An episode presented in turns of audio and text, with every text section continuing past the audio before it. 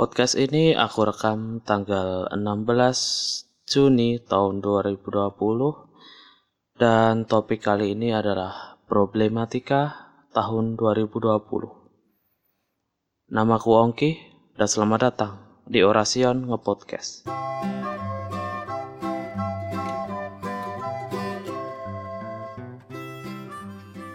Hai para baluk bertulang belakang yang memakan segalanya atau lebih kerennya atau bahasa ilmiahnya itu adalah uh, apa itu? Makhluk omnivora. Sudah makan apa kalian hari ini? Apa sudah makan teman sendiri? Atau sesuatu yang lebih menakjubkan lagi? Aduh aduh aduh. Udahlah udahlah. Oke langsung ke pembahasan aja. Oke, bahasanku kali ini adalah problematika tahun 2020. Ya, mungkin seperti yang kita ketahui sekarang, kayaknya tahun 2020 itu ada aja masalahnya. kayak gak berhenti-berhenti gitu dah. Uh, Oke, okay. mungkin aku bakal mulai pada malam tahun barunya kali. Nah, kalau aku ya, pas malam tahun baru itu uh, ada di si, di pabrik sini ada ngumpul-ngumpul itu temannya bapakku. Ya mereka buat apa ya acara-acara makan gitu. Dan kalian tahu menu makanannya apa? Sesuatu yang hidup dan berkembang biak di dalam got ah ya itu adalah apa itu? Hewan yang mirip kadal itu. Ah nyambe ya nyambe atau apa bahasa Indonesia nya biawak ya biawak. Biawak itu ditangkap oleh teman bapakku pas apa ya? Kan biasanya di got depan pabrik sini kan biasanya kadang kalau ya sore atau pagi hari itu akan ada lalu lalang biawak itu ya yang nah kan teman bapakku itu ahli dalam dunia perngetrepan. Bukan trap trap anu ya trap yang di anime-anime itu tapi trap jebakan. Uh, suatu hari pas tiga hari sebelum malam tahun barunya kan teman bapakku masang jebakan di situ. Nah itu dapat kan itu dibawa ke anu masuk ke pabrik kan. Kan di situ ruame. Ada apa ini kok padang gerumbul ya ternyata pas gua lihat ada biawak anjir. Udah terikat. Dan di dan masa depan biawak itu sudah pasti ditentukan. Pasti masuk wajan. Nah betul kan? Pas siangnya teman bapak kan pada rumpi. Buat menu makan apa itu makan-makan di tahun baru nanti apa? Ada yang usul gitu. Terus yang apa itu dapat biawak itu kan punya sul gini aja bro. Aing punya biawak gimana kalau kita ban bantai? Kita makan saja biawak ini. Ai gratis lah buat kalian. Akhirnya pas apa sorenya biawak itu kan disembelih di sini dipedati sumpah baunya itu wamis banget. Sumpah cu ya gimana ya? Ya gitulah pokoknya. Baunya tuh wamis dan biawak itu dimasak di sate gitu. Bumbunya juga mereka yang buat. Aku juga gak ikut masak. Karena aku di sini cuma apa itu? Sesi eh, sesi. Uh, apa itu namanya? Yang juru juru juru perabotan. Aku yang nyediain apa itu peralatan yang mereka butuhin. Seperti kalau ada yang butuh panci pisau LPG itu aku yang bantu ngurus. Itu jadinya sekitaran jam berapa ya tuh 9 malam di situ para teman-temannya bapak itu udah ngumpul. Ngumpul itu sekitaran berapa orang ya? Ada 10 orangan lah. 10 orang, di sini. Pas sambil makan-makan itu kan mereka nyetel musik ya. Tapi musiknya itu musik musik apa tuh? Musik DJ Cipmong gitu loh yang kada suaranya kuat sumpah kalau soal musik DJ itu masih suka tapi kalau yang ada Cipmangnya itu kayak rasanya itu keringnya sekali. Kering kering kering keringnya banget. Kalau yang normal lah masih oke okay lah gua masih dengerin. Tapi ya karena di situ yang nggak suka cuma aku doang jadi ya cuma bisa diem. Minoritas cuma bisa nyimak mayoritas lah yang berkuasa. Nah, setelah makan-makan itu kan nunggu sampai jam 12 lah sambil kan lihat kembang api. Pas nunggu lihat kembang apinya tuh kan di depan apa itu? Di depan rumahku kan ternyata ada biawak lagi. Dan di situ teman bapakku masang jebakan lagi anjir. Aduh baru biawaknya baru digoreng. Udah nyari target lagi aduh aduh. Dan akhirnya waktu itu sudah pukul 12 dan banyak kali apa tuh kembang api yang dinyalakan dader dader gini kanan kiri kanan.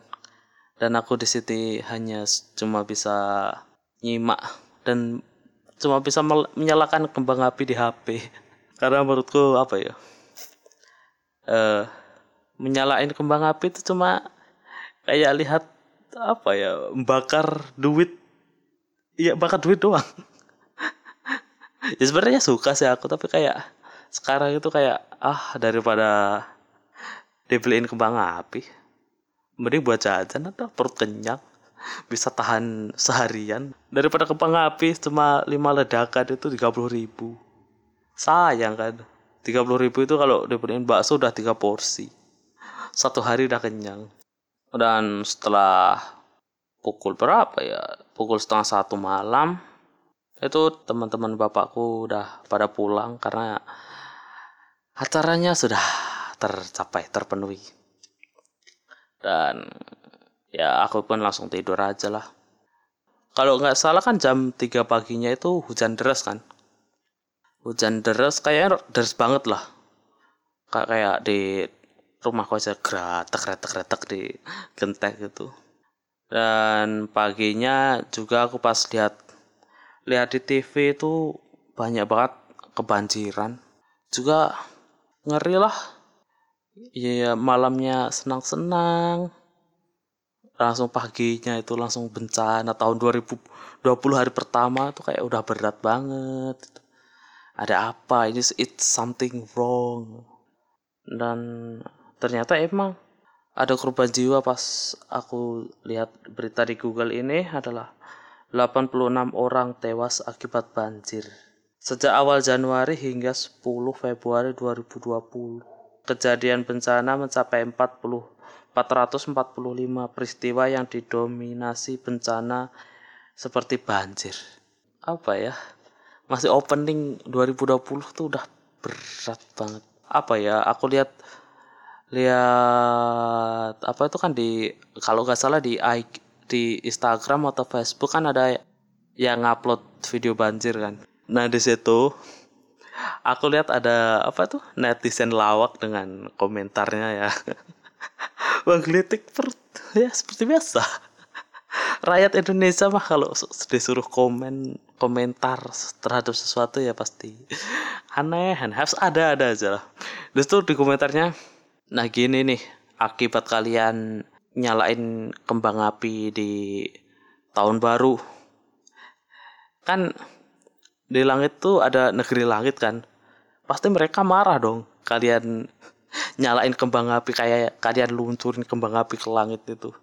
Nah, makanya negeri langit itu ah, balas dendam kayak nih makan nih gua kasih air hujan nih. aduh, aduh aku ya.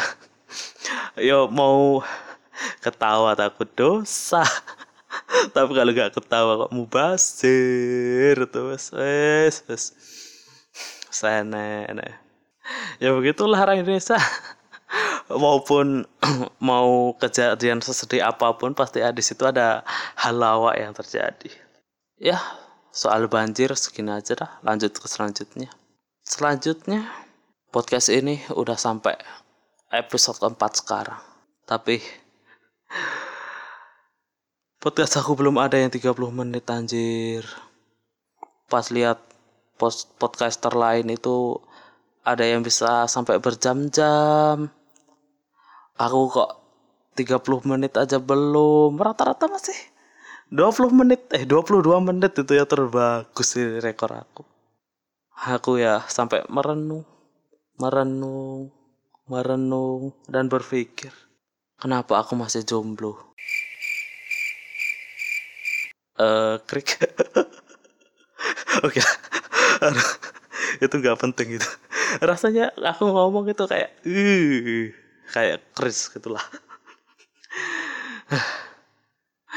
Mungkin podcast yang episode keempat ini mungkin bisa atau gak bisa mungkin lah bakal aku target 30 menit dah meskipun bahasannya aku buat agak melenceng melenceng dari topik utama but, but is oke okay lah. Karena ya apa ya? Ya itu itu sebuah ego atau yang harus aku penuhi. Ya itulah. Pokoknya kalian akan yang denger ini bakal jadi saksi mungkin ini adalah podcast eh, uh, 30 menitku yang pertama. Problem selanjutnya adalah oh, masih problem gua ini? Problem aku di tahun 2020 lah. Uh, mikrofon clip on yang aku beli itu nggak guna ternyata anjir. Yang aku beli 145 ribu. Cuma jadi pajangan sekarang setelah aku pakai beberapa kali ya eh, baru dua kali di intro sama episode 1 dan 2 Nah di situ kan ternyata pas aku cek di Adobe Audi Audition itu noise-nya itu minus berapa itu? Minus tiga tiga tiga tiga dua. Itu tinggi banget anjir udah aku bersihin tapi itu ngefeknya ke suaraku di situ mungkin ada suaraku yang kayak robot-robot gitu atau ya gimana kalau itu ya korban itu udah udah nggak tertolong lagi. Kalau nggak aku gituin noise aku yang banyak tapi suaraku tetap bagus kalau noise-nya aku hilangin noise-nya bisa hampir hilang tapi suara aku kayak agak ada apa ya? Kayak ada, robot-robotnya gitu. Ya sebenarnya agak eh uh, dalam hati kenapa nggak beli mikrofon lain? Kayak mungkin target aku yang satunya itu adalah boya boya boya tipe apa gitulah. Tapi ya karena udah terlanjur beri clip on aku yang ini ya uh, mungkin uh, bakal aku tahan dulu lah untuk beli mic mic yang baru mungkin aku tabung dulu duitnya dan setelah aku cek-cek itu ya mic mic yang pas aku lihat di Google itu mic ada dua tipe. Ada yang tipe kondensor dan tipe dinamik. Nah, kalau kondensor itu kan dia bisa menangkap suara yang kecil, pokoknya suara yang kecil banget itu bisa ketangkap. Tapi ya kalau dipakai di tempat kayak aku yang di pinggir jalan itu bisa menangkap suara apa pun. Nah, kalau yang dinamik itu cuma bisa menangkap suara yang bisa menggetarkan komponen yang di dalam mic-nya itu jadi kalau suaranya nggak keras-keras banget itu nggak nggak masuk nggak masuk di rekamannya dan dan dan lagi. Perangkat yang buat rekaman yang jernih itu yang satu paket itu mungkin nyediain satu duit satu juta lima ratus lah anjir. Itu banyak loh itu duit jir. Uh, apakah aku harus ternak tuyul? Kalah tuh gak baik itu. Musrik anjir yes, mungkin. Ya untuk sementara mungkin aku ya bakal pakai HP dulu lah setidaknya ya lebih baik daripada pakai clip on aku yang noise-nya banyak. Di HP itu noise-nya masih bisa ditolerir tolerir tole tol tolerir tol tol iyalah ditoleransi gitulah. Aduh ngomong-ngomong aja belibet ya Allah. Ya itu dan selanjutnya apa ya? Eh lihat catatan dulu. Aku kalau buat podcast selalu ya aku nulis uh, apa itu urutan-urutan yang harus aku bahas. Karena kalau cuma ngomong langsung aku bakal lupa apa yang harus aku omongin. Selanjutnya adalah eh uh, uh, oh ya ya ya ya. Eh btw pas aku rekaman ini kan aku pakai hp ya nah uh, sorry kalau agak bulat masalah ini tapi gak apa-apa. Mungkin juga gak ada yang dengerin podcast aku mungkin cuma ya ini cuma hobiku aja. Ada yang dengerin apa enggak enggak ngaruh. Nah di HP kan pas aku rekaman itu pertama cuma pakai HP doang. HP yang enggak ada tambahan apa pun nah pas aku ngomong itu di episode 3 kan napasku itu kan pas aku ngomong itu kan langsung ke mikrofonnya kan ada suara geredak geredak geredak Nah, itu aku atasi dengan spon cuci piring. Itu terinspirasi dari spon yang dipakai di apa itu? Di mikrofon. Mikrofon kan ada sponnya. Jadi aku tiru pakai spon cuci 3000 ribuan itu aku sobek tengahnya lalu aku telangkupin eh, masukin HP ku ke situ. Jadinya kalau aku ngomong napasku bisa nggak bikin gerudak-gerudak lagi. Ya sesuatu life hack yang baik patut dicontoh. Mungkin bisa ditiru dan dikembangkan oleh masyarakat dengan tiga ribu rupiah maka rekaman Anda jadi lebih baik. Dan selanjutnya adalah problem terberat di 2020 yaitu virus corona. Dari berita yang aku baca, virus corona itu masuk Indonesia pada tanggal 2 Maret lalu yang yang dikonfirmasi itu awalnya cuma dua orang. Ya walaupun awalnya cuma dari dua orang, tapi udah nyebar banyak banget. Bahkan kasus yang dikonfirmasi aja udah 39.294 itu nggak sedikit itu banyak banget ya Allah. Kayaknya ya. Di pas di awal-awal virus itu masuk Indonesia kan warga Indonesia kan pada heboh banget tuh pada beli semuanya itu pada beli perlengkapan perlengkapan apa itu? Kayak bahan pokok masker sanitizer itu kayak ditimbun kayak mau apa tuh hibernasi beruang itu loh. Bahkan apa itu? Sampai sampai maskernya itu ditimbun. Nah pas di pasar udah habis itu bakal dijual dengan harga mahal. Ya emang kalau udah langka kan pasti orang-orang bakal bakal ngebeli itu karena mereka itu butuh. Tapi ya kak ah ya gitulah. Nah dan aku juga apa itu punya pengalaman yang unik pas pas awal-awal covid kan. Kan di apa itu pemerintah nyuruh kita pakai masker pas mau bepergian ke mana pun kan di di tempat aku masih belum banyak yang pakai masker itu aku pakai masker pas mau pergi ambil duit di ATM. Pas aku keluar, di situ kan ada rombongan eh apa tuh bapak-bapak apa mas-mas gitu kan. Pas aku lewat itu dia kayak mu dia kayak mundur kayak huh, anjir.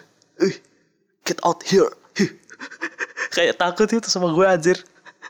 Gue pakai masker mungkin di- dikira gue apa gitu. Ya aku ya ya dalam hati ya mikir ah ya ampun gini amat ya. Apa gue ini dikira penyebar virus? Aku ya Allah ya Allah. Eh ya nggak apa-apa lah. Mungkin orang-orang kan masih masih masih takut gitu kan masih masih apa ya? Kan masih awal-awal itu yang yang masih bulan-bulan awal itu kan yang meninggal lebih banyak daripada yang sembuh. Ya menurutku ya ya wajar kalau orang takut itu. Tapi ya masa sama yang pakai masker aja takut anjir. Mas dalam hati yuk yuk kok kok kok era tapi seiring berjalannya waktu ya yang kasus positif udah makin banyak kok menurutku warga Indonesia tuh malah jadi lebih santuy. Malah kayak suka nongkrong nongkrong kayak ah bodo amat lah. Kayak udah bosen gitu sama covid tuh. Covid tuh udah ah covid Eh, lihat orang sekarang pada nyata udah pada ngumpul-ngumpul ya apa. Padahal itu masih PSBB pelatihan siswa baris berbaris bukan aja Pe- pembatasan sosial berskala besar ya. Walaupun pas kayaknya pas aku record ini pada PSBB kayaknya udah mau dihentikan ya. Udah masuk masuk new normal. Ya itu bukan berarti kita bisa bebas. Meskipun namanya new new normal bukan berarti bebas. Ngapain aja. Itu cuma kalau nggak salah itu program pemerintah untuk memperbaiki ekonomi Indonesia dan bukan berarti kita bisa seenaknya. La la la la la. Kita tetap harus pakai masker. Dan ya menaati protokol kesehatan gitulah. Ya alhamdulillahnya sih yang sembuh sekarang udah banyak. Udah banyak sembuh sih. Jadi ya ya meskipun meskipun apa itu vaksin yang resmi yang manjurnya belum diketemukan kan walaupun gitu kan setidaknya kita mas kayak punya secerca harapan gitu. Ya punya peluang gitulah peluang hidup kita masih besar untuk corona itu ya ya ya ya gitulah.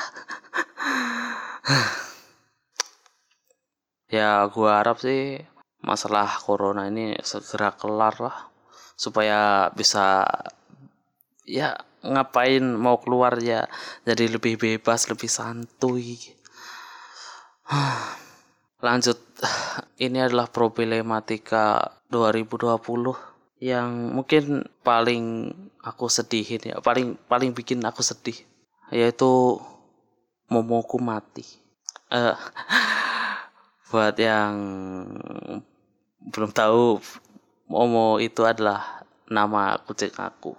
Dia mati eh eh, ya matinya tuh ya apa ya Allah ya berat aja mau bilang. Dia mati dia itu mati karena eh, kelindes pickup eh gini eh gini. Ya eh kan sekitaran jam berapa itu ya? Sekitar jam 7 kan waktu itu aku keluar dari rumah mau ambil sapu. Terus mas siapa? Mas Benny bilang mas mau mau mau mas aku jawab kenapa mas? Eh lihat aja mas. Aku gak tega. Aku gak tega lihat deh. Tak aku lihat. Waktu itu aku lihat dia itu lari tapi pincang lah aku kenapa ini anjir aku lihat dia tuh langsung bersembunyi ke bawah mobil milik bos pabrik sini disembunyi situ terus aku ini kenapa ini kucing ini? Kenapa? Aku belum tahu kalau itu ketabrak. Aku lihat aku, aku nyali center uh, aku lihat itu di mulutnya itu keluar darah. Loh kenapa ini? Kok is aku ya kaget. Dan kakinya yang sebelah itu patah. Patah kayak antil antil antil antil. Pas aku lihat itu dia kayak kayak apa ya kayak teriak kayak kayak ngopi kayak bilang kayak kayak kesakitan gitu. Nah tiba-tiba itu yang supirnya pickup itu nyampe namperin bilang mas maaf kucingnya tadi aku tabrak. Aku kayak loh loh loh eh loh loh loh. Kayak aku mikir kayak kayak uh, kayak apa ini? Kayak aku ngeblank seketika aja terus dia ngomong e, gimana? Gini mas aku tanggung jawab deh. Aku anterin ini kucing ini ke rumah sakit hewan. Nah aku ya ya bingung anjir. Ya gimana ya? Ya sebenarnya gini apa itu momo aku itu udah tua, udah umurnya udah sampai 9 tahunan. Terus dia juga udah sakit-sakitan lah.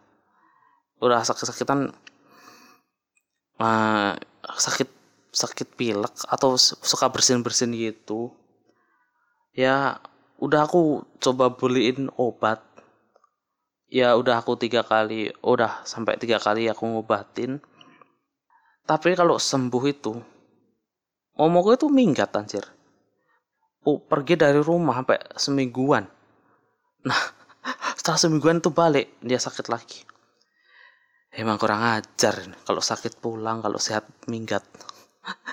setelah itu ya ah aku ya ya terserah kau lah aku capek ngurusin obat ya ya itu ya kalau kalau dibawa ke rumah sakit mungkin dia bisa hidup. Tapi aku ya kayak kayak mikir ya kasihan juga. Karena udah sakit-sakitan toh kalau nanti malah anu kan kakinya juga pincang. Malah mungkin malah lebih tersiksa kan hidupnya. Jadi aku aku bilang ke masnya bentar mas. Aku tanya mamaku dulu. Nah, aku panggil. Waktu itu aku bilang ke emakku, e, aku pakai bahasa Indonesia ya, karena kalau Jawa malas transit tau. Mak, kucingnya kelindes pickup. Terus mak kayak, hah? Hah? Hah? kayak gak percaya gitu. karena apa ya? Uh, Momo itu di apa ya di keluargaku udah kayak keluarga sendiri lah. Mungkin kalau bisa masuk kakak udah dimasukin nih itu kucing ke dalam ke dalam kakak. Dia nggak percaya atau aku bilang lagi, iya mak, kucingnya kelindes mobil. Hah? Terus piye? Terus gimana? Aku jawab, masih hidup. Tapi ya ya gitu mak. Terus ya mak aku kayak ya kayak mau nangis nangis gitu ya kayak terus dia lari terus bawa kain. Iya kain ya siapa tahu buat ngebersihin kayak ya gitulah. Dia lari lihat terus aku apa ya masih ingat ekspresi emakku pas lihat kucing kawal itu kayak sumpah sedih banget kayak yo oh kayak nggak tega liatnya tapi aku aku sendiri ya bisa sedih kayak ya allah sedikit air mataku menetes demi kucing anjir. Aku, ah, dia makku itu nanya mu nyapa mu? Kenapa? Kucing aku ya kayak jawabnya dia meyong aja kayak gak sanggup tapi dia coba untuk apa ya kayak untuk ngomong gitu loh. Ya ya apa ya. Lalu uh, makku itu uh, ngambil tuh kucing dari kolong mobil itu diangkat lalu dibersihin. Nah pas dibersihin kan lukanya pakai pakai apa itu? Pakai alkohol terus kucing aku tuh berontak. Tapi pas berontak itu dia mau lari nggak bisa karena kakinya itu udah patah. Kayak cuma gleset gleset gitu. Ya eh eh gitulah. Jadi bersihin sumpah itu di yang itu yang mulutnya itu kayak di bawah dagunya itu pas dibersihin tuh kayak lecet lecet heran. Aku aku ya sebenarnya heran. Itu padahal itu pickup. Pickup itu muatan full. Aku heran itu kucing kok masih hidup? Aku ya sebenarnya aku aku mending kucing ini langsung mati. Daripada kayak kalau lihat kayak gini kan kayak kesiksa banget kayak gak tega itu loh kalau mati kan ah ya udahlah meskipun sedihnya sesaat tapi kan ya udahlah kayak gak ada penderitaan. Tapi itu masih hidup men. Padahal itu pick up muatan full melindas seorang kucing oren. Tapi ya itulah. Nah, kan supirnya itu bilang ke makku, Mbak, aku tanggung jawab. Kucingnya bakal aku bawa ke rumah sakit hewan. Terus makku jawab, gak, gak usah lah mas. Kan gak sengaja. Namanya juga hewan kan. Ya gimana lagi. Ya, ya mas-masnya yang super itu tetap memaksa tapi ya kan ya nggak enak ya ke mana ya namanya juga ya hewan. Mau di di apa ya? Kan nggak punya pikirannya kayak manusia yang tahu ini bahaya apa enggak.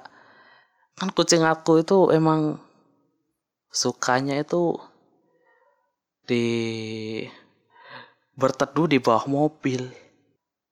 Ya emang emang ini kelainan hobinya kucing aku emang aneh. Tapi 9 tahun itu ya baru ini kelindes. Ya sebenarnya udah sering sih kucing aku kata kata kamu aku dulu pernah ketabrak motor. Itu sampai eh enggak. Yang pertama gini. Kan dulu aku sebenarnya punya lima kucing. Dari satu indukan yang nama indukannya itu Cathy yang anak-anaknya itu ada empat ada Cimol, Cuncun, Momo. Yang terakhir aku lupa namanya. Nah itu pas udah sampai umur berapa bulan gitu ya udah besar. Nah itu kan ternyata kucing aku itu di diracun orang men. Entah aku nggak tahu apa apa problemnya kucing aku kelakuin apa aku nggak tahu. Yang itu diracun yang yang indukannya itu matinya itu di dekat got. Nah yang ketiga empat anaknya itu di di dekat dekat apa dekat got juga. Eh, dekat got apa mana itu lupa aku. Nah itu yang masih bernapas itu Momo doang yang lain udah isdat padahal Momo itu fisiknya paling kecil. Yang lain itu fisiknya pada besar-besar pada fisiknya bagus. Cuma Momo itu yang paling jemburis lah ibaratnya. Tapi keajaibannya dia paling dia bisa hi bertahan hidup. Meskipun dia ya meskipun dia yang terjembur tapi dia bisa masih bisa terselamatkan lah. Yang lain udah ya udah dead. Nah itu sama bapakku itu di apa tuh kasih minum apa ya tadi? Lupa. Air kelapa apa daun daun apa itu yang warna merah itu? Itu dikasih dikasih kayak daunan gitu. Dan itu bisa sembuh. Nah akhirnya dari ya dari ke lima kucingku itu yang bertahan ya cuma Momo sampai sekarang sampai 2020 ini. Nah selanjutnya ya. Kucing aku juga pernah ke kena tabrak motor. Itu sampai kejang-kejang lagi itu tapi itu sama emakku sama orang tua aku dibawa ke rumah sakit hewan. Dan masih bisa selamat. Untungnya masih bisa selamat. Tapi mungkin yang yang masih bisa selamat walaupun ekornya itu putus. Jadi awalnya itu lumayan panjang. Ya karena putus dikit ya agak pendek. Aduh emang kakak ini kucing. Tapi kayak ya kalau yang kasus pick up ini kayaknya ya harapannya kayak harapan hidupnya itu ya nggak bisa diharapin loh. Ya karena kayak sebaruh tubuhnya itu udah hancur. Dan ya pas aku ngomongin cerita sedih malah hujan cocok banget sama sama yang aku ceritain kali ini anjir. Uh, kayak di film-film. Pas ada adegan sedih tiba-tiba hujan terus ini juga hujan. Nah ya lanjut. Nah itu kan aku akhirnya aku putusin aku masukin kardus. Kucing aku itu mau mukul kardus. Ya biar apa ya? Ya uh, ya aku taruh kardus itulah. Nah itu aku taruh kardus itu aku coba kasih makan. Dia udah nggak mau. Minum juga nggak mau. Dan akhirnya itu aku beliin apa itu obat obat apa ya? Kata mak super tetra. Itu obat manusia.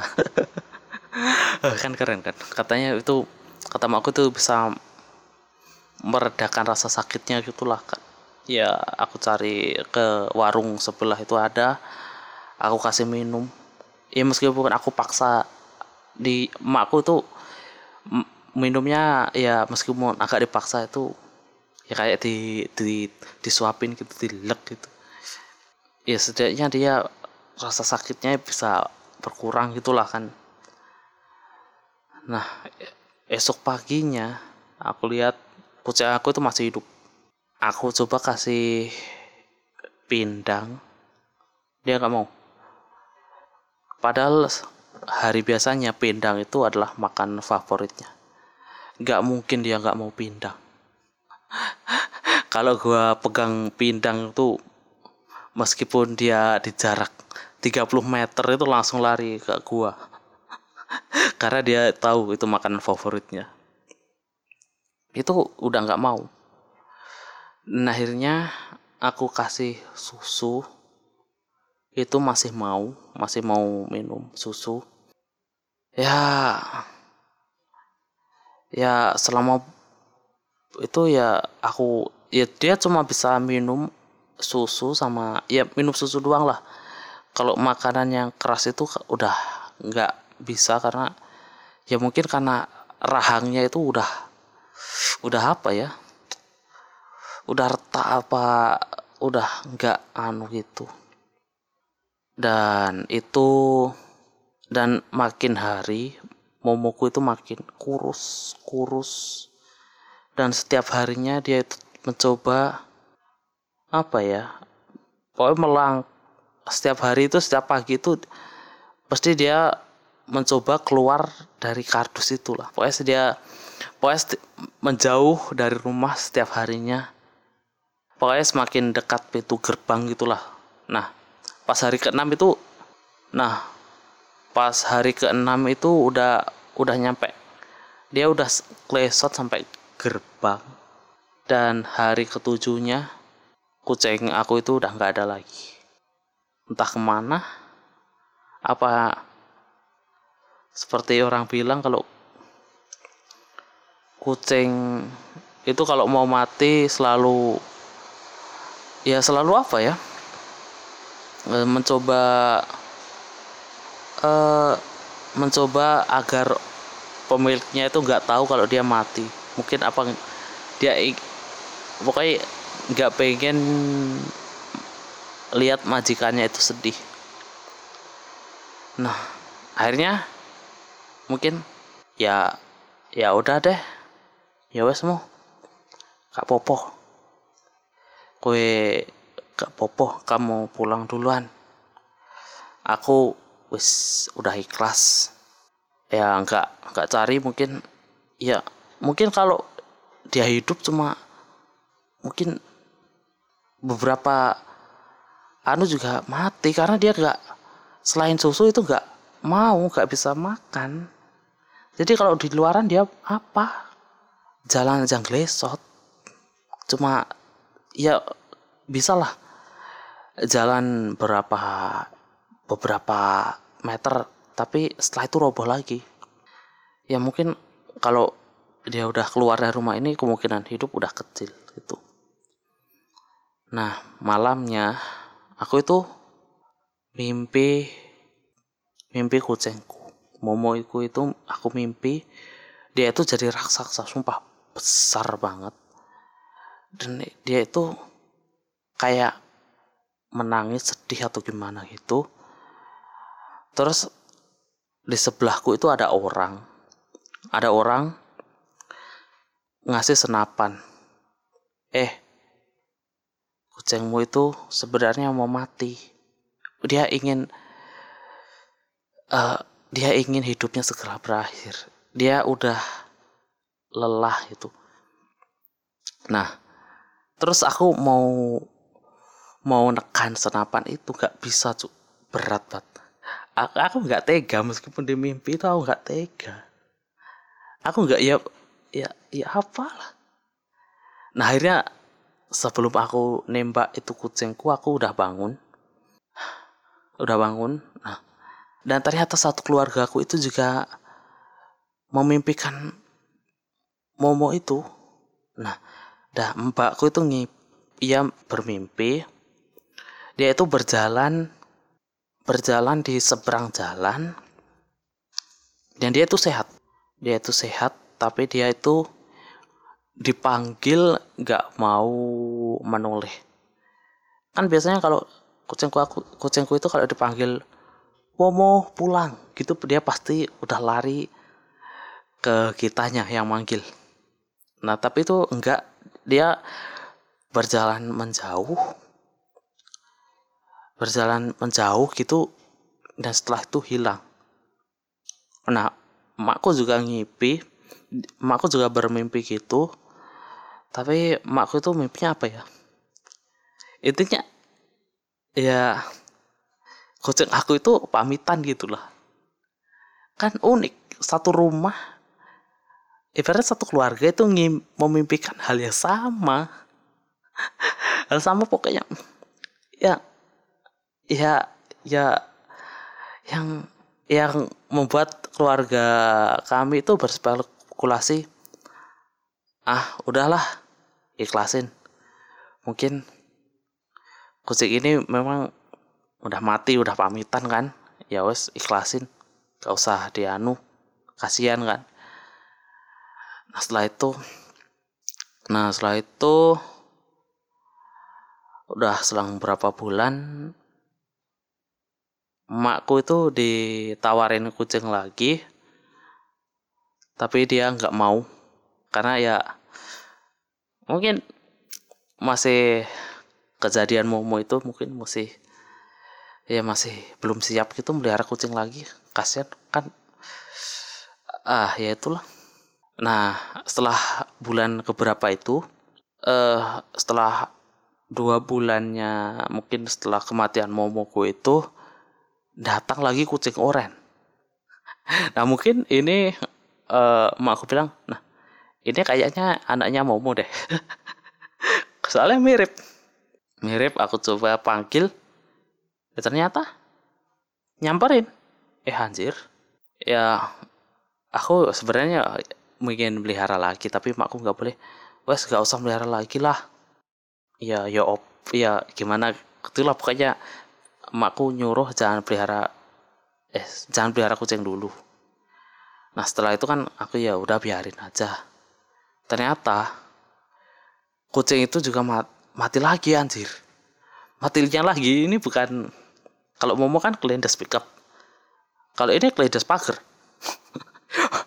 Pak pas satpamku buka pagar dia kan kalau ada bos bos lewatan dia langsung lari kan buka pagar tanpa menghiraukan sekitar. Dia langsung buka per nah ternyata kucing kucing itu ada bawah pagar. Dia ke kelindas eh, gelindingnya itu.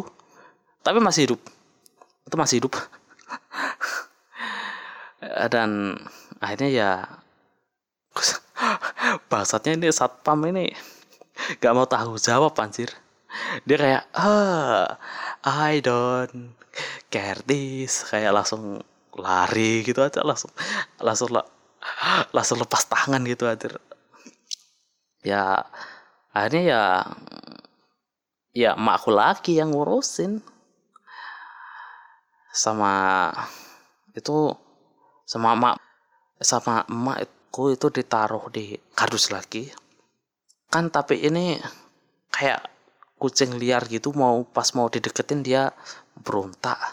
Tapi kesakitan pas berontak itu dia teriak nyer nyer uh, dan apa ya? Dan karena itu ya ya udahlah. Karena dikasih makan dia juga berontak. Ya susah akhirnya dibiarin. Dan beberapa jam kemudian ya mati itu kucing. Kayak ya ampun kelindes lagi mati kucing nggak momo nggak nggak keturunannya mati lagi. Aduh aduh setelah itu ha, dia dikubur di dekat di depan pabrik itu di kuburnya uh, kayaknya udah deh ceritaku udah ngomong panjang lebar. Mungkin mungkin aku coba kali ini fokusnya ke kucingku aja ya. Karena aku uh, ya itulah mungkin sedikit problematika aku di tahun 2020 ah uh, ada ada. Juga leher aku sakit ya uh, kan apa ya tadi pas mau tadi apa kemarin tuh aku pas mau tidur kan aku kayak larian. La la la la la la, la. eh aku kayak ngantuk mau tidur nih. Aku tumpuk ada bantal ada guling. Langsung aku tidurin lah.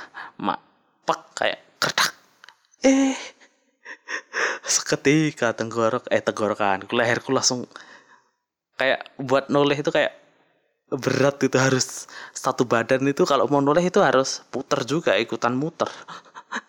Aduh aduh. Gini amat ini amat. Kayak semakin tua itu fisik itu makin aneh-aneh aja deh gejalanya. Ah ya udahlah. Gitu aja.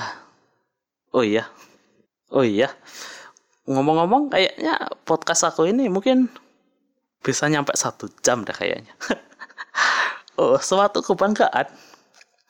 Walaupun uh, mungkin ya kebanggaan lah. Walaupun nanti pas aku dengerin kayak omongannya muter-muter, tapi gak apa-apa. Bakal tetap aku upload bagaimanapun hasilnya. Ya, sekian aja podcast aku kali ini. Ya, makasih banget kalau udah ada yang dengerin dari awal sampai akhir. Semoga kalian sehat selalu. Sampai jumpa.